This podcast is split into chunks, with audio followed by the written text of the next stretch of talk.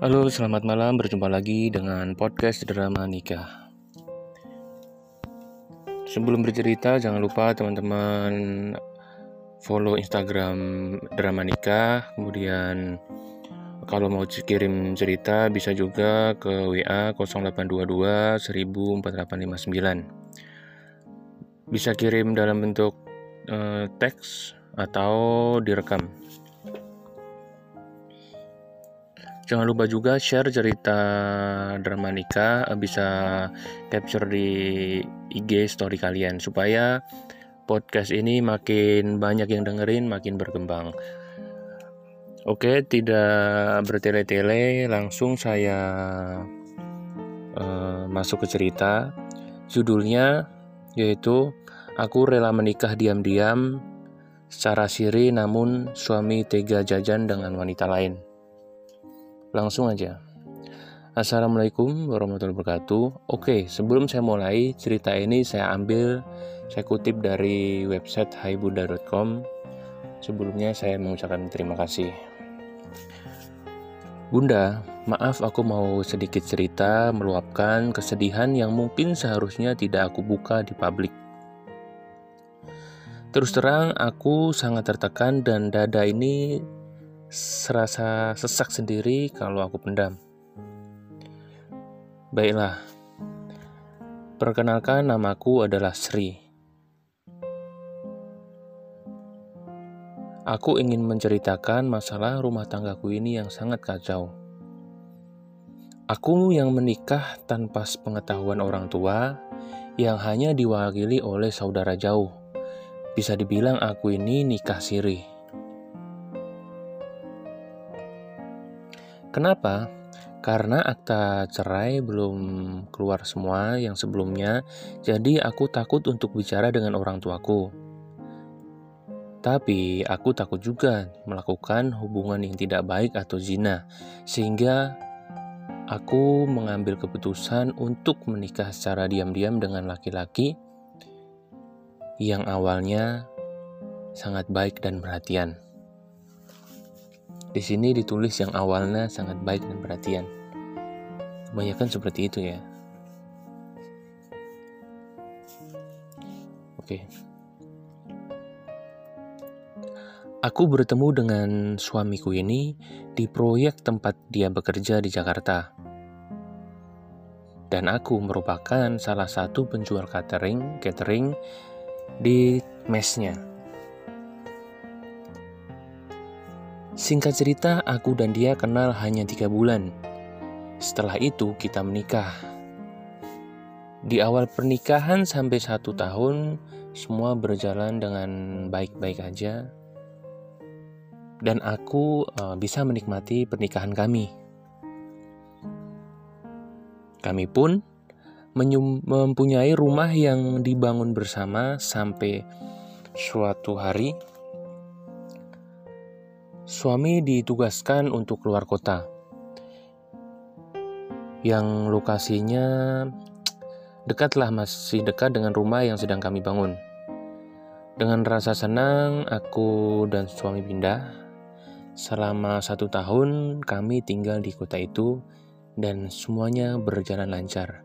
Oke, jadi di sini hmm, dia bangun rumah ya bersama gitu dan Mungkin di tengah pembangunan mereka uh, suaminya ditugaskan keluar kota sehingga harus meninggalkannya.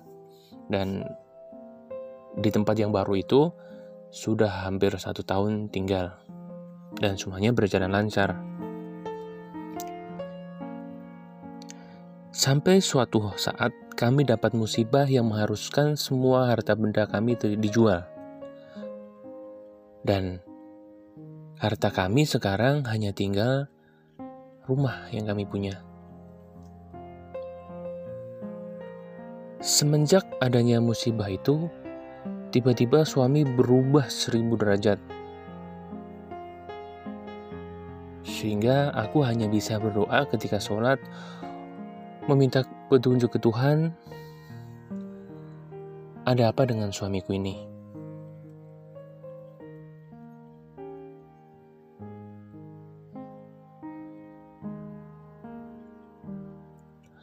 Akhirnya suatu pagi ada kejadian yang tidak aku duga. Ada chat yang masuk tetapi tidak aku kenal nomornya.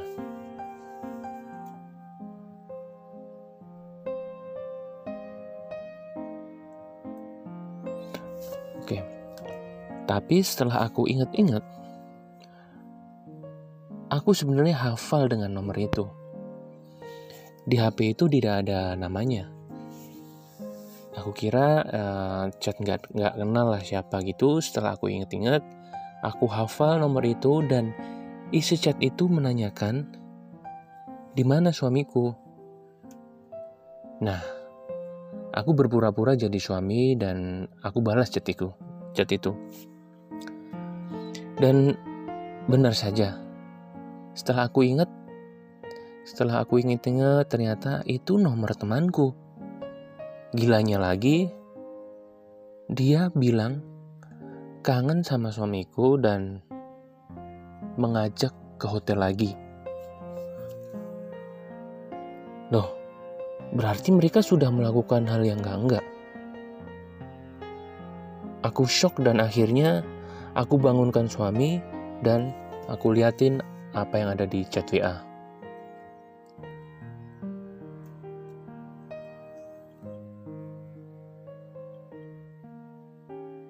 Pah, ini apa maksudnya?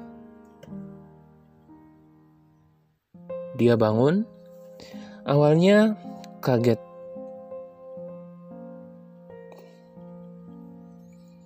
Kemudian aku bertanya tanpa emosi, dan dia, suamiku, jujur kalau dia memang sudah melakukan hubungan badan sekali dengan temanku itu. Oke, aku maafkan kesalahan fatal ini karena suami berjanji tidak akan mengulanginya lagi. Hingga tiga minggu setelahnya, ada kejanggalan lagi dengan tingkah laku suamiku.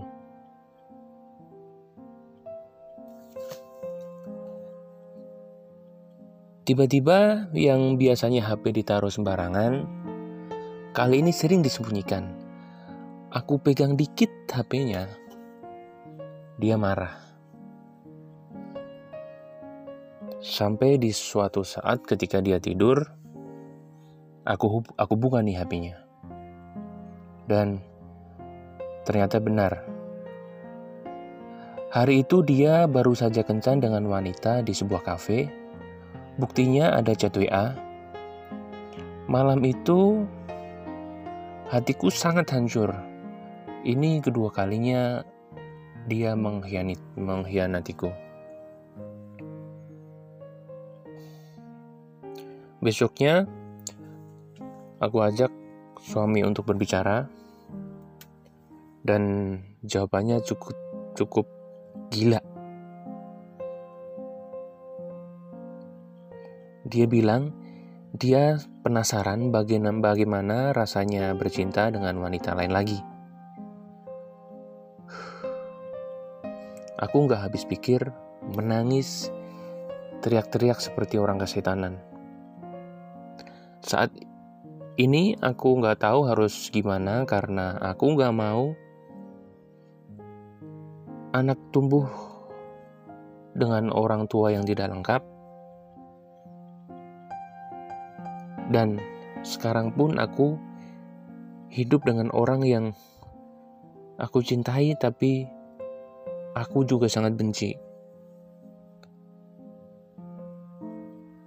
Apa yang harus aku lakukan? Terima kasih.